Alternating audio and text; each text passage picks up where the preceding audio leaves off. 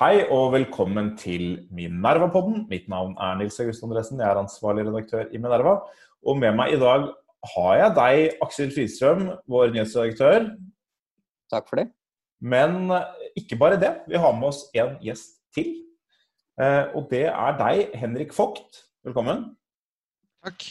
Du er eh, lege og postdoktor ved Senter for medisinsk etikk. Og er blitt eh, et internettfenomen Eh, i, i, eh, i du, du, er ikke influenser direkte. Du, du poster ikke lettpente bilder av deg selv med reklame for brunkrem, som jeg vet om. Men du er en av dem som har skrevet mye om koronaviruset eh, på, i sosiale medier og fått en ganske betydelig eh, følgerskare der. Og Derfor er vi veldig glad for å ha deg med i podkasten her i dag. for Vi skal rett og slett snakke litt om korona i dag. Eh, jeg tenkte å bare begynne med deg, Henrik. Nå har det vært en, det vært en tøff høst i, eh, i, hele Europa eh, og i Norge. Og vi har fått på plass masse nye tiltak. Og så har det vært mye snakk om endelig en vaksine som vi nå, eller flere vaksiner som vi nå ser en, en tidslinje på. Vi, vi, de er gjennom godkjenning, og vi ser når de kan komme. Hvor står vi, hvor, hvor står vi egentlig nå i koronapandemien? Ja, eh, ja for, altså, for, å være litt personlig, det blir jo litt sånn uh, basert på min egen følelse med dette. Men, men, jeg føler nå at vi er liksom like før begynnelsen på slutten. At det, kanskje vi er litt der hvor folk, det ikke har gått helt opp for folk, men nå, nå tar det etter hvert slutt. Den følelsen jeg, har jeg nå. At det vil jo ta flere måneder. Men nå er vi i slutten av vår mørkeste koronamåned, tror jeg. Så kommer det en jul der folk kan kose seg litt. Og så kommer januar, og da tror jeg om vi ikke får de første dosene da, så får vi i hvert fall klare svar på når de kan komme, tenker jeg. Eh, og da tror jeg befolkningen kommer til å ane mer håp og se lys i tunnelen. Eh, og at det er litt mer sånn mentalitetsmessig, i hvert fall litt mer sånn unnabakke utover mm. våren. Og at mm. eh, sommeren kommer til å bli ganske som forrige sommer, og som jo også var ganske koronafri. da Vi tok jo nærmest koronafri og trodde at det var over, liksom. Eh, eh, eller mange gjorde det. Og så kommer det en høst til neste år som jeg tror blir ganske normal. Men dette er klart det er et synselement her, men, men jeg føler at vi er, kan gi et litt positivt eh, bilde av hvor vi er nå. Mm. Og det er interessant, det er jo en, en, helt ny situasjon på vaksiner. Eh, aldri tidligere i historien har man eh, utviklet eh, ikke bare én, men flere vaksiner for en, en helt ny sykdom. Altså det er et virus som er i slekt med andre kjente virus, men, men uh, tross alt et nytt virus. Utviklet det, det så raskt, uh, det er jo helt, helt, nytt. Og så får vi jo håpe at det fungerer som det, som det skal. Men det er jo både det skaper noen perspektiver. Vi tenker på de diskusjonene som vi hadde i, i, vår og i mars og april. Aksel og jeg hadde dette på podkasten her. Når vi tenker om liksom, hvor, hvor hvordan skal vi håndtere dette, så var jo et veldig viktig spørsmål var når kommer vaksiner. Og jeg husker Preben Aavitsland i Folkehelseinstituttet var veldig sånn vi må være innstilt på at det, det, kan gå både 2020 og 2021 og liksom ut i 2022 før vi kanskje får en vaksine. Og jeg mener ikke å kritisere det, fordi det var jo et helt, uh, helt naturlig utgangspunkt egentlig å, å tro det. Uh, så kan det se ut som det da blir uh, bli mye bedre. Eh, men det er jo hvis tenker på de tiltakene som vi har, har nå, eh, nå, Henrik. Jeg vet ikke hva du tenker. Vi kan kanskje spørre deg, Aksel. Hva tenker du om de tiltakene vi har nå? Er det, er det riktig å fortsette å være så, så, strenge, eller skal vi liksom si nå, nå, nå kan vi slippe litt opp, for nå kommer det snart en vaksine og ordner opp?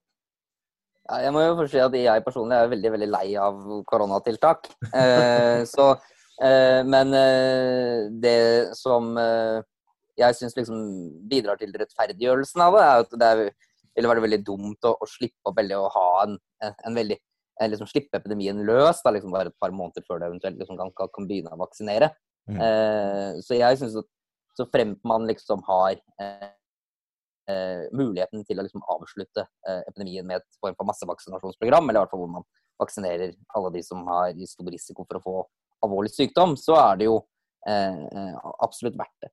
Men mm. så er jo liksom spørsmålet som Og dette kan jo ikke jeg så mye om, men det er altså hvor, hvor effektive eh, vil disse vaksinene egentlig være? Og vil vi liksom kunne ikke klare å kjøpe mange nok av den type ting? For meg er det litt sånn, det er litt sånn ubesvarte ting. For det at eh, disse vaksinene, de mest effektive av dem, er vel mer enn vel 90% beskyttelse. Men eh, den tidsperioden det er testet ut i, det tror jeg ikke er mer enn igjen eh, tre-fire måneder. Så de er jo startet vel med disse gruppene i, i altså hvert fase tre-studien i hvert fall i noe sånt som uh, juli eller noe sånt, tror jeg. Så de har holdt på med det med viser da 90% beskyttelse sammenlignet med en kontrollgruppe for en tre-fire måneders spenn.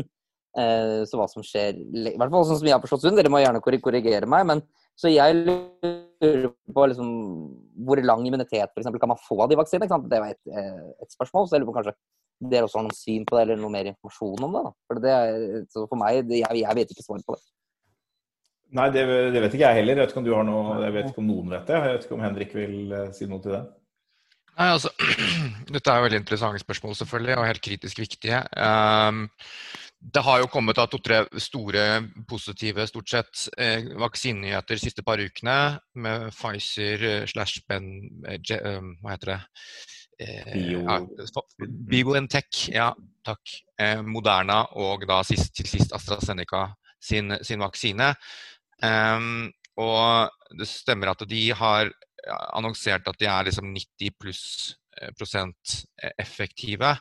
Uh, og det betyr jo at de måtte redusere risikoen for, for at du blir en covid-19-case med 90 um, Det betyr jo ikke at de er 100% noe man ikke kan forvente av disse legemidlene. Um, og det er også usikkerhet altså det, det er jo usikkerhet ved, ved hva altså Dette handler jo om hvor gode de er til å redusere antallet symptomatiske, altså i hvert fall diagnostiserte caser eh, med covid-19.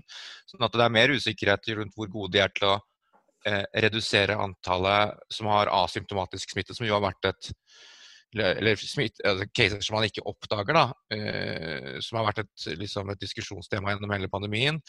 Eh, og i, i, sin tur så kan det ha noe å si for for hvor gode de er til å danne flokkimmunitet. da. Eh, men det er klart, i seg selv så er det jo eh, fantastisk at de kan redusere risikoen for symptomatisk sykdom, og sannsynligvis da alvorlig sykdom og død med såpass mye. Men altså 90 er da, eller 94 som de også har kommet med, er jo, er jo tall som er målt på et visst tidspunkt i oppfølgingen eller i studien. Det er ikke det endelige resultatet, det er målt på et mellomstadium.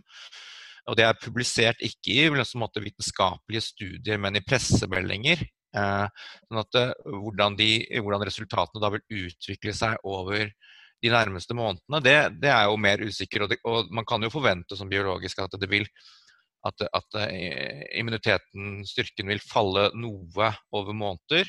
Eh, eh, men det har også kommet ganske positive altså da, Her har det vært litt tvetydig, men, men, stort sett ganske positive forskningsfunn på, på hvor lenge immuniteten varer etter at man har vært syk. Da. Hvis man skal ta det som en proxy for hvor, hvor lenge immuniteten varer når man har blitt vaksinert så, så det, har den relativt Det kom til, noe nylig en første studier som hadde fulgt folk over eh, mer enn seks måneder etter infeksjon.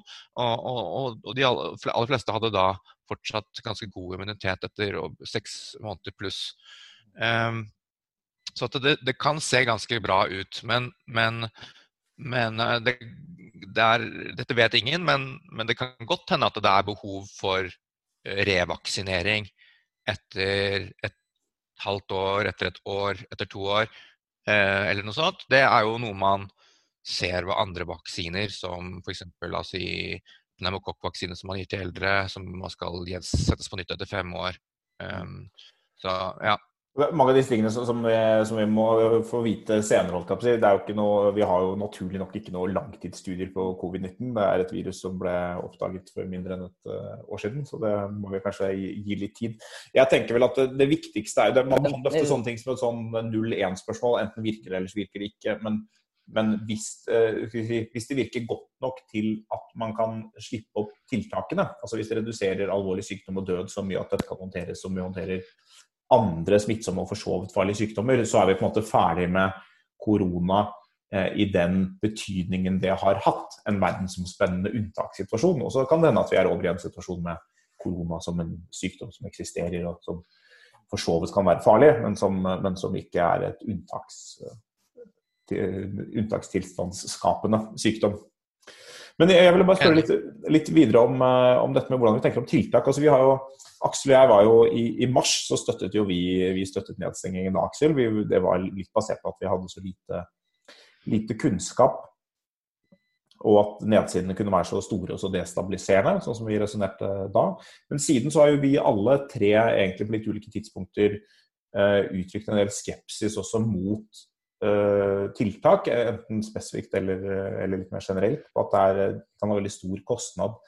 Jeg vet ikke hvor, hvor syns vi står nå med de tiltakene som er, er, på plass nå. Er vi blitt oppmerksomme nok på, på skadevirkningene? Liksom, tar, vi fortsatt for lett på, på, dette? Kunne man klart seg med mindre tiltak, eller vi, burde vi stille strengere krav til å, å, virkelig vise at tiltakene virker? Hvor, hvor, hvor står vi på det nå?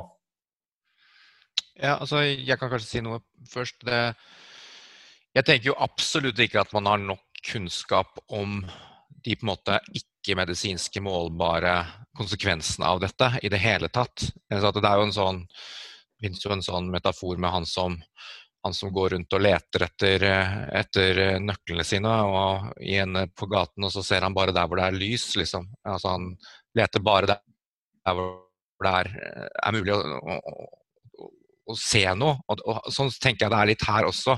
At vi, vi, det er lett å forholde seg hele tiden til smittetall og dødsfall og sånt. Det, kan, det er tallfestede, isolerte størrelser. Mens mye av det andre er jo, er jo veldig vanskelig å få grep på. Eh, og da sier jeg ikke bare at tiltak altså, det, jo, det, finnes jo andre negative konsekvenser av en stor pandemi også, selvfølgelig. Eh, så det er ikke bare sånn at man kan veie sånn tiltakene mot antall dødsfall sånn helt at Hvis man får, mindre tiltak, så blir økonomien og alt annet bedre. Det er jo, det er jo sånn at økonomi og alle andre ting også kan bli mye verre ved en, ved en pandemi. så det er eh, eller en større bølge av pandemien, så det er, det er veldig komplekst. Men jeg synes, vi vet jo ikke nok om det, og, og ikke, ikke, gjør jeg det, men jeg er jo, jeg er jo skremt av det. Altså, spesielt de økonomiske følgene internasjonalt. da. Det er jeg. Mm. Altså det, er jo, det, er jo, veldig ulikt i ulike land her, eh, og, og som taler for at ulike land burde ha ulike strategier også. Norge er jo en situasjon der vi rent fiskalt ikke egentlig har noen større problemer med å håndtere det pga. oljefondet. Vi har liksom Oljefondet har jo normalt vært en sånn vi skal spare til, til etterslekten, men nå har vi brukt det som et sånn regnværsfond. Vi har brukt noen hundre milliarder her og noen hundre milliarder der, og så, så er hullet i statsbudsjettet tettet uh, for denne gangen. Og det, og det, må man kanskje si at det er greit når du får en sånn uh, århundre, en gang i et århundre-type pandemi, så man må kunne gjøre det. Andre land har jo ikke det og kommer til å slite mer. Det som er spesielt interessant og problematisk, er jo, er jo mye fattigere land. Uh, som, eh, hvor noen har hatt både tiltak og store pandemibølger. Eh, og det er jo, I noen grad så er dette land hvor det er mye færre eldre mennesker, eh, og hvor det er sykdom dermed får mindre alvorlige konsekvenser, og som kanskje burde hatt mye mindre tiltak, og som i noen grad har mye mindre tiltak. Altså Det vil jo være land som India og en del afrikanske land som, som har sett en helt annen type pandemi, egentlig, en helt annen type tiltak. Mens de som har fått det verste av alle verden, er en del sånn latinamerikanske land som har ikke en god nok koordinert respons, kraftige tiltak som rammer økonomien, og så likevel ganske mye sykdom og død. Og, eh, og jeg tenker det du sier der, jeg tenker det du sier der er jeg syns ikke det har fått nok vekt. Da. Det er jo ikke så interessant for en norsk diskusjon, for så vidt. Eh, vår medianalder er jo altså, er jo sånn, kanskje er ganske høy, da, ikke blant de høyeste i Europa, men, men ganske høy. Men altså, den diskusjonen om, om, tiltakene bør være de samme uansett hvor du er, og hvilke forutsetninger landet har, og ikke minst demografi. da, for eksempel, Hvis man ser på, på medianalderen til Tyskland, så er den 47 år. Altså 50% av tyskere er, er over 47 år. Mm. Mens, eh, mens medianalderen da i Niger, som er det yngste landet i verden, er 15 år. Mm. Altså, det er jo ekstreme forskjeller med hva man da kan forvente i dødelighet. Og gjerne de landene som er jo som da er fattigst, eh, de er jo ofte da, land med, med veldig ung, ung, befolkning. Så det er ikke gitt at, eh, at strategi bør være det samme. Men, men, for Norges del så vi må jo forholde oss til oss. Eh, og jeg har jo personlig forsøkt å måtte, si at jeg ikke skal ta noe sånn særlig stilling til, til, hvilken strategi vi skal ha. Det var noe jeg valgte helt i starten for å liksom fristille meg litt til å Både fordi jeg ikke har så veldig god greie på smittevern, egentlig, eh, og for å fristille meg litt eh, til å kunne gå litt kritisk inn i ulike problemstillinger uten å binde meg til en sånn posisjon. Men, men jeg kan si så mye som at jeg tenker litt som Aksel at OK, nå har vi kommet såpass langt, da, og jeg tenker, jeg tenker som jeg sa i stad, at, at et, etter jul så vil vi se liksom litt lys i tunnelen, eh, og det vil være litt mer unnabakke. Um, så tenker jeg det er litt rart å snu sånn veldig i strategi nå. Så det er ikke kommet til noen ny informasjon som skulle tilsi det. Det er ikke, det er ikke sånn at vi nødvendigvis skal bryte med alle demokratiske prinsipper for å holde denne smittebølgen nå, men det, slipper, det ser ut som vi så vi slipper, da. Men, men, eh, men, liksom det der prinsippet med å gjøre ting fullt og helt og ikke stykkevis og delt, tror jeg kan gjelde litt nå. At man ikke liksom vingler så fælt. jeg skrev jo en, en ja, Aksel, unnskyld. Ja, det, er, men det er et interessant tema. for at, eh, La oss si at eh, vi nå får eh, altså Norge får kanskje to millioner vaksinedoser, eller altså nok jeg finner finregnet på det. Men si at vi kan jo da immunisere kanskje én eh, million mennesker da, for at du skal ha to, to doser i de fleste av disse. Og det er jo interessant, altså Da vil vi jo kunne ha, ha, ha i og for seg vaksinert alle de mest sårbare. og Man vil jo da også kanskje kunne tenke at det er da veldig naturlig egentlig å, liksom, å løsne på tiltakene, og så vil jo liksom epidemien liksom gå sin gang. Så de andre vil jo kanskje bli immunisert ved å faktisk bli smittet. Men det er jo da også spennende å se altså, hvordan altså Det er jo en, valgstrategi da, når du har fått en, fått, fått en vaksine, men det er jo det er jo ikke sikkert at det er nødvendigvis er det man vil velge. Og det er jo ikke sikkert at det er nødvendigvis eller kanskje det er folk vil ha. For det er veldig mange som ikke nødvendigvis er selv i risikogruppen, da, som fremdeles vil være veldig redd for å bli smittet av, av, av, dette viruset. Så det er jo en interessant diskusjon hvordan man skal håndtere det at man har vaksinert en del av befolkningen. Altså, Man vet jo ikke hva regjeringen vil gjøre med det heller. Nei, det er for meg i hvert fall ikke klart for min del. Vi kommer nok til å få en veldig interessant diskusjon eh, når vi går i gang med vaksinasjonsprosessen. Litt avhengig av hvor mange doser vi har tilgjengelig. Det har selvfølgelig noe å si at det nå er flere produsenter som kan gjøre at det blir større tilgang på, på ulike typer vaksine. Men, men, eh, men, det kan bli en veldig interessant diskusjon. Så Jeg skrev jo en, en eh, kommentarartikkel for et par måneder siden som er at vi må diskutere koronastrategien, eller noe sånt, jeg, som var skrevet da før de gode nyhetene om vaksinene og litt før eh, de norske smittetallene bikket så bratt oppover som de, som de gjorde i løpet av oktober. Uh, hvor utgangspunktet mitt var ikke at vi ikke trenger noen tiltak, fordi altså, uten tiltak så vil denne epidemien spre seg så raskt at, uh, at, det åpenbart vil overvelde helsevesenet. Så noen tiltak må man ha. Men, at man måtte finne ut uh, hvor sterke tiltak er det forsvarlig å ha gitt risikoen. Altså hva er det vi forsøker å unngå? Forsøker vi å unngå en god del dødsfall, eller forsøker vi å unngå kollaps i helsevesenet? Uh, og mitt utgangspunkt var at i mars så var det, og, det, første målet var vi må unngå kollaps i helsevesenet. og så Vi aner ikke hva som skal til, så vi slår til så hardt som vi kan. egentlig. Og Så lyktes man bedre enn noen hadde sett for seg. Og Så byttet man strategi til uh, la oss nå slå det ned, sånn at ikke dette liksom, offeret var, uh, var forgjeves. Uh, og jeg er jo enig med dere at når, når vi er der vi er nå, når vi vet, eller når vi har så stor grunn til å tro at vaksinen kommer tidlig neste år, så, så, gir det ingen mening å bytte strategi eh, fra det nå. Eh, men det gir en mening å, å likevel tenke om både hvor langt er, villig, er vi villige til å gå eh, liksom for å nå hvilke mål.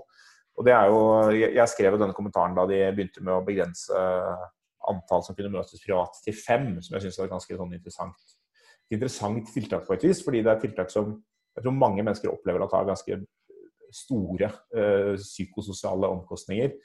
Eh, men som ikke syns i noen statistikk. Det var litt det du sa, Henrik. Altså, det har jo ikke noen økonomisk konsekvens sånn direkte. og, og eh, det er liksom ikke noe Det rammer, ikke Det rammer selvfølgelig masse ulike ting, men det er, liksom, det er en virkning som oppleves bare privat. Eh, og som dermed er også, litt vanskelig å organisere som en politisk interesse, f.eks. Og nå har man jo innført begrensninger på dette her igjen, som er ganske er relativt tøffe. og det er jo sånn, Du, du sa ikke at du begynner å bli lei av tiltakene, for du er jo en ung mann ikke sant, som skulle vært ute og drukket øl og kost deg og sånn. Jeg som er småbarnsfar, for meg er det sånn det spiller jo ingen rolle at det er korona. Det er, det er egentlig bare en fordel at uh, det, det, er ikke så mye man går glipp av som det ellers ville, det ellers ville vært. Det kan du også ha litt sånn, Henrik. Men, men, det er både det å prøve å forstå at folk er i veldig ulike situasjoner, og at de tiltakene vi har nå faktisk rammer mange mennesker eh, veldig, veldig hardt. Eh, og kanskje mennesker som lever litt andre typer liv enn eh, en det politikere gjør, som ofte lever, lever ganske stabile, ordentlige liv med klare rammer som ikke er så avhengig av eh, Eller ikke så rammet av de tiltakene. Skal jeg svare? Henrik svare? Du, Aksel. Nei, så jeg tenker jo det Først og fremst er veldig hyggelig at du kalte meg for, for, for ung mann. Skal fortelle en anekdote på en av de fine tingene med korona at jeg har nemlig også blitt opplevd og nå blitt spurt om legitimasjon på Vinmonopolet. Fordi man eh, da går med sånn, sånn munnbind, så Eh, ung er jeg. Eh, men eh, til selve poenget så er det jo Jeg tenker at det er jo særlig, særlig særlig for, for de unge at det er liksom, dette er ganske forferdelig. Altså. Hvis du liksom skal begynne med Hvis du har vært russ og fått kansellert russetiden din, så skal du eh, begynne på studiet. Du får ikke lov å bli kjent med, med nye. ikke sant? Folk flytter jo til byer hvor de ikke kjenner noen fra før av. Så er det liksom ikke mulig å møtes eh, eh, fem, mer enn fem av gangen. Og selv om det er likt for alle, så er det klart at noen er et ekstremt hardtslående tiltak. For andre er det kanskje ikke så, så, så, veldig farlig. Så det er jo også her da også klart sant, at dette er jo en, eh, en, en, en veldig asymmetri i, i, hvem det er som må bære kostnaden her. Og jeg tror også hvis man ikke liksom, får gjort noe med det eh, i løpet av det de nærme, altså i løpet av det året vi, vi, vi går inn i, at man liksom får lett tiltakene flyttet byrden litt vekk fra de unge, da, så vil man jo liksom sitte igjen med en, en, en veldig skjevhet som liksom kan skape ganske mye sosial uro. Kanskje ikke i Norge, men i, i, i andre og mindre sedate befolkninger, da, for å bruke det ordet. Jeg tenkte å gå, litt over til den delen av denne podkasten som skal handle om uh, forherligelse av vårt eget land. For det er jo det er et viktig punkt, uh, Aksel. Fordi som du sa, det er kanskje ikke Norge, men i andre land. Og i andre land er det jo allerede betydelig mer uh, uro rundt tiltakene. altså vi ser i, i, Storbritannia nå, så er det jo enorm misnøye med, med den lockdown-situasjonen de, de, har pådratt seg der. I Frankrike har det vært eh, protester. I Norge så er det jo noen, noen tydelig misfornøyde røster, men, men, det er veldig stor oppslutning om, eh, om politikken. Og, og det, det, er jo interessant eh, at ikke bare er det det, men vi klarer oss også her med mildere tiltak, til tross for at vi nå er inne i en sånn sesongmessig vanskelig situasjon. så Viruset smitter jo lettere om, vinteren, ser det ut til, i likhet med mange andre virus. Men nå ser det jo ut som FHI tar noen forbehold, men, men, jeg, men, det ser nå ut som vi faktisk har klart å slå ned denne bølgen også. Det tok, tok litt mer tid. Uh, tiltakene kom litt mer gradvis og, og sånn. Men uh, det ser nå ut som smitten går nedover, og antall innleggelser også i hvert fall, i hvert fall stoppet opp. Uh, og og Det er jo interessant at vi klarer det på et så lavt nivå. Sverige, som jo nå setter i verk veldig strenge tiltak, så har smitten steget veldig mye mer enn i Norge. Dødstallene har blitt ganske høye. Borti hvert 50 og flere dager, jeg vet ikke helt hva som er snittet, men mange dager med høye dødsfall. Og Europa har jo hatt en virkelig ordentlig bølge med veldig høye dødstall, spesielt i, Tsjekkia og, Belgia, men, eh, men flere andre steder også. Og det, det, er en interessant situasjon at vi har lykkes såpass, eh, såpass godt. Jeg vet ikke om dere har noen tanker om hva det er som gjør at vi, vi, vi, klarte det denne gangen også? Har vi noen ideer om hvorfor, hvorfor det er sånn? Jeg tenker jo at eh, vi har noen fortrinn som samfunn. da, Relativt lite, godt organisert, høy tillit. liksom Litt sånn det er jo de positive sidene med en kultur som der liksom folk liksom slår litt ned på hverandre. og Det er lite, ikke så mye opposisjon mot myndighetene og, og sånt. da. Eh, sedat, som Aksel kal, kalte det. så jeg, jeg, tenker på, jeg, tenker jo først og fremst på sånne ting. når man, når man altså, Og ikke minst da altså, Folk har jo ganske gode ressurser, av gode sykelønnsordninger og sånt, så at du får jo ikke de som så mange av de som går på jobb, kanskje for med smitte og sier de er asymptomatiske eller noe sånt, eh, som andre steder. Sånne faktorer. ganske velopplyste myndigheter og, relativt god ledelse, vil jeg si, i både FHI og Helsedirektoratet. Så vi er jo ganske heldige. Hva tror vi nå har skjedd i, i Sverige? Altså der er det jo, Vi får se om de nå får kontroll med de tiltakene de har iverksatt. Men den svenske strategien, som jo har vært en sånn eh, Som har vært veldig omdiskutert, men som, som, noen selvfølgelig har eh, rast mot, og som andre har sagt at den har liksom vært nærmest den faglige eh, liksom, faglig baserte. At de lener seg på fagmyndighetene. Hva, hva, kan vi si om den der hvor den står, står nå? Har du, har du, noen tanker om det, Aksel? Altså, jeg må si at jeg følger nøye med på den svenske situasjonen, for jeg syns den er veldig bekymringsverdig. Fordi at uh, nå har jeg bare gjort litt sånn back of envelope-beregninger, som det heter på, på nynorsk. Men eh, man skulle jo tro at etter liksom, den eh, smittebølgen som de hadde i, i våres, at de gjennomsmittet i hvert fall de stedene som var hardest rammet, ganske mye. Altså hvis du eh, regner ut for Stockholm f.eks., som var en sånn 2600 eh, døde i Stockholms len, så skal det tilsvare at omtrent 40% av befolkningen ble smittet av en sykdom som har en dødelighet på mellom 3 og 4 promille.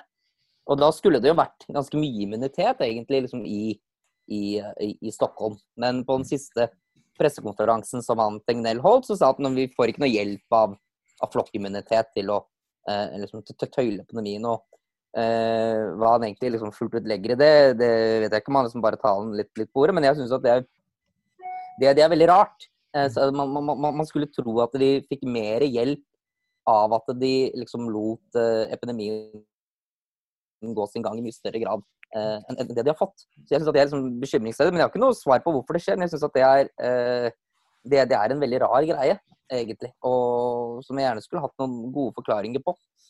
Henrik, du, du, sa før vi begynte her at du er ikke noe orakel. Men uh, kan du tenke deg å gi et, uh, et svar på det allikevel? Har, hvorfor har de ikke mer glede av flokkimmuniteten i, i Stockholm? Ja, um, uh, jeg tror du må regne med litt høyere dødelighet på den første bølgen enn 0,3 i Sverige.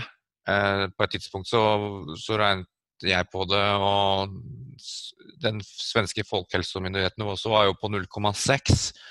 Sånn at hvis man bruker, det er jo mye å se, Hver enkelt promille her er ganske mye å si. Så hvis du bruker det, så, så kommer du kanskje mer ned mot, mot uh, 20-25 da, Og det, har, det har vil i så fall ha mye å si. Uh, og, og du, vil få, du vil nok kunne få smitte i befolkningen kanskje helt opp mot 60% før det liksom er helt At det blir, blir folk. Man vet ikke helt hvor den terskelen ligger. Så, så eh, det kan jo være noe, men slik Jeg er ikke noe sånn at jeg, jeg, jeg har ikke satt meg dypt inn i dette. Men, men det, det, er jo uh, oppegående stemmer som sier at, uh, at uh, at de, Det er ikke sånn at de har like krapp bølge nå som de hadde i vår i Sverige. Altså at det er noe mer liksom den, den, begynner å bli stor, men den, den, den liksom vokser ikke like fort, og at, eh, at, man kan på den måten se en viss effekt av den, det man kaller flokkimmunitet. Det er jo ikke noe sånn enten-eller, det heller. Eh, man får en viss, viss, viss, effekt, selv om ikke smitten faller som følge av det. Så at eh, når, når Tegnell sier eh, at han ikke har noe effekt av det, så er det, da vingler han litt, da, for å si at det er veldig skulle være veldig effektfullt til å være null. Men, men de, ja, det, det, hjelper dem i hvert fall ikke å det ble, det ble, vanskeligere for dem enn de trodde. Det er vel det som har vist seg litt i Sverige hele tiden, at det, eh, at det hele tiden vært vanskeligere å få flokkimmunitet enn det de trodde. og det, det, tyder vel, som du sier, i første rekke på at dødeligheten har vært litt høyere enn det de, det de trodde. Så, så er det jo vært spekulert nå i andre runde om det også kan skyldes at immuniteten er litt kortvarig, at noen blir smittet igjen. og Det er, det er en del eksempler, altså det er sånn noen hundretalls eksempler på at noen har blitt smittet igjen. Det må man jo både regne med eh, når det er så mange hundre tusen eh, millioner som er smittet. Eh, jeg vet ikke hvor viktig det er, men det, det kan jo virke litt som både Sverige har havnet litt i en situasjon hvor de har fått litt det verste av alle verdener. For de, de planla jo litt, sånn som jeg sa med Aavitsland som snakket om en vaksine i 2022, de planla jo på en måte for at dette kommer til å bli et veldig langt løp. Eh, og da har det ikke noen, har det ikke noen hensikt å sette i verk så strenge tiltak, altså tiltak som man ikke kan videreføre i sammenhengende nesten i to år. Liksom. Så de, det var ikke det, de var liksom veldig nøye med å si at flokkimmunitet ikke er en strategi, men, men, det er på en måte mer eller mindre en konsekvens at man ikke er villig til å iverksette veldig strenge tiltak. Og da vil man etter hvert få, få en god del uh, immunitet som man da håper at varer. Uh, håpet at varte. Og så har man på en måte plutselig havnet i en situasjon da hvor vaksinen kommer mye tidligere enn man trodde.